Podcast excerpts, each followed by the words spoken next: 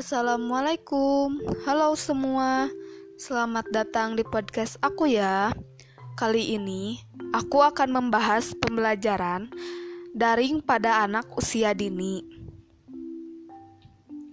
Virus corona kini menjadi momok yang menakutkan karena menyebabkan kecemasan bagi masyarakat dunia. Coronavirus family diberi nama corona karena struktur tubuhnya terlihat seperti mahkota adalah keluarga besar virus yang mengakibatkan infeksi pada saluran pernapasan baik pada hewan ataupun manusia. Walaupun virus ini lebih banyak ditemukan pada hewan, tetapi Virus ini juga bisa menyerang dari hewan ke manusia, lalu dari manusia ke manusia. Pada tanggal 11 Februari 2020, WHO menyebutkan bahwa penyakit dari virus corona dinamakan COVID-19 yang mempunyai kependekan dari coronavirus disease yang muncul di tahun 2019. Virus corona ini juga adalah tipe baru yang awalnya ditemukan di Wuhan, Provinsi Hubei, Cina. WHO juga menetapkan darurat dunia atas penyebaran virus corona yang begitu luas serta seluruh pihak juga harus ikut berpartisipasi dalam meningkatkan pengawasannya terhadap kesehatan masyarakat. Sejak kasus corona mulai meningkat, sekolah dari tingkat dasar sampai universitas saat ini tidak lagi melakukan aktivitasnya seperti biasanya. Karena pemerintah memperlakukan sistem di rumah saja, maka kegiatan belajar mengajar pun, baik formal ataupun informal, yang setiap hari dilakukan oleh peserta didik harus dilakukan dengan cara di rumah saja. Salah satu langkah yang tepat dalam situasi seperti ini adalah memanfaatkan teknologi jaringan dan teknologi informasi bagi pengembangan sistem pembelajaran di sekolah dengan cara model pembelajaran daring, yaitu dalam jaringan atau online learning model antar sekolah. Dengan model pembelajaran daring saat ini, ada beberapa peserta didik yang menerima pembelajaran daring. Alasannya karena model pembelajaran daring lebih santai, menyenangkan, fleksibel, efisien, singkat, dan praktis. Cara itu juga bisa dilakukan dengan cara jarak jauh tanpa harus berkumpul di tempat yang sama. Selain itu juga, manfaat lain dari model pembelajaran daring ini adalah orang tua bisa mengawasi anak-anaknya pada saat belajar. Meskipun daring, Pembelajaran anak usia dini juga harus tetap mengedepankan enam aspek perkembangan, nilai agama dan moral, fisik motorik, kognitif, bahasa, sosial emosional, dan seni.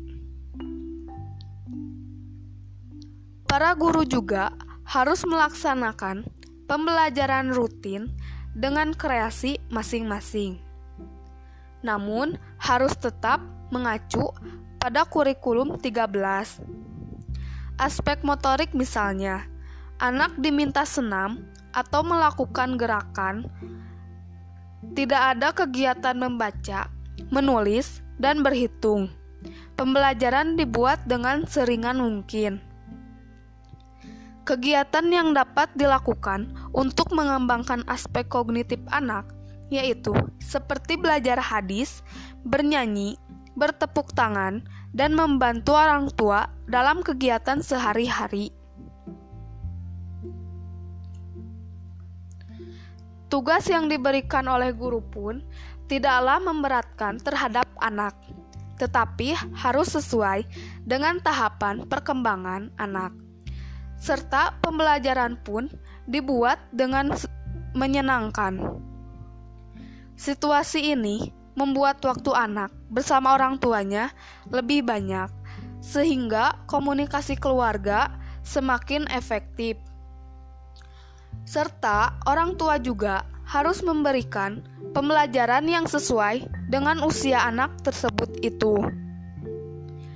Menyikapi kondisi ini, para orang tua juga harus memberikan pengertian kepada anak bahwa sekolah tidaklah libur, tetapi diganti dengan belajar di rumah. Pemahaman inilah yang sejak awal harus dimiliki oleh orang tua. Kenapa harus berada di rumah, dan apabila keluar rumah dapat menimbulkan dampak seperti apa? Orang tua juga harus aktif membangkitkan semangat anak agar anak tidak bosan saat belajar bersama di rumah. Hal ini dapat dimanfaatkan untuk menjalin kedekatan antara anggota keluarga.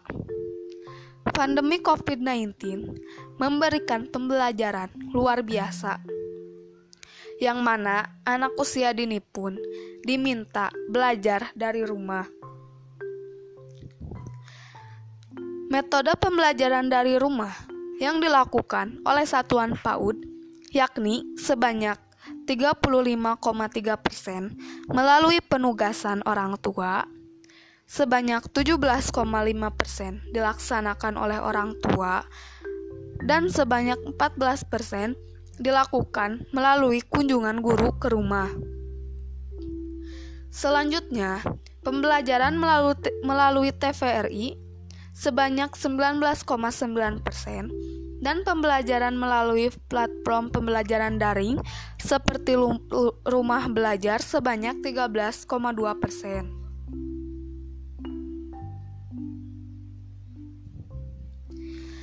Jenis kegiatan yang dilakukan selama belajar dari rumah untuk jenjang PAUD, sebagian besar dilakukan kegiatan yang tidak membutuhkan kemampuan pedagogik, seperti menggambar, menonton televisi, beribadah, maupun bernyanyi.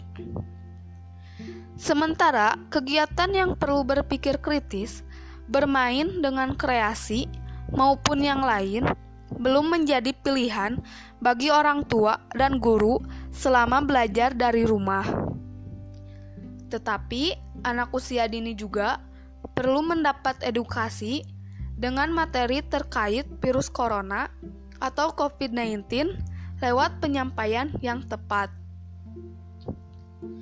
Mewabahnya COVID-19 yang mengharuskan anak belajar di rumah dapat dimanfaatkan untuk mengajarkan pada anak hidup bersih dan sehat. Tentunya, orang tua juga dapat terbantu dalam memberi pelajaran tentang kebersihan di rumah.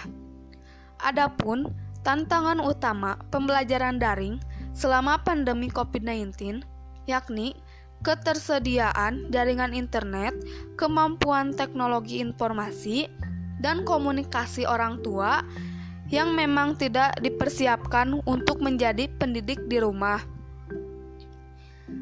serta kurangnya kemampuan pedagogik guru. Hal itu karena selama ini rumah hanyalah menjadi tempat persinggahan semata bukan dijadikan tempat persemaian anak-anak. Sementara sekolah tidak menjadi bagian dari rumah.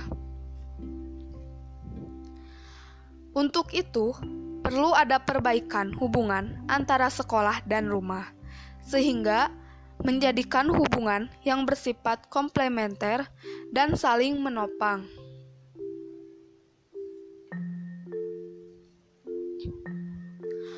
Oke, teman-teman, cukup sekian ya yang dapat saya sampaikan. Mohon maaf apabila banyak kesalahan. Wassalamualaikum, sampai jumpa kembali.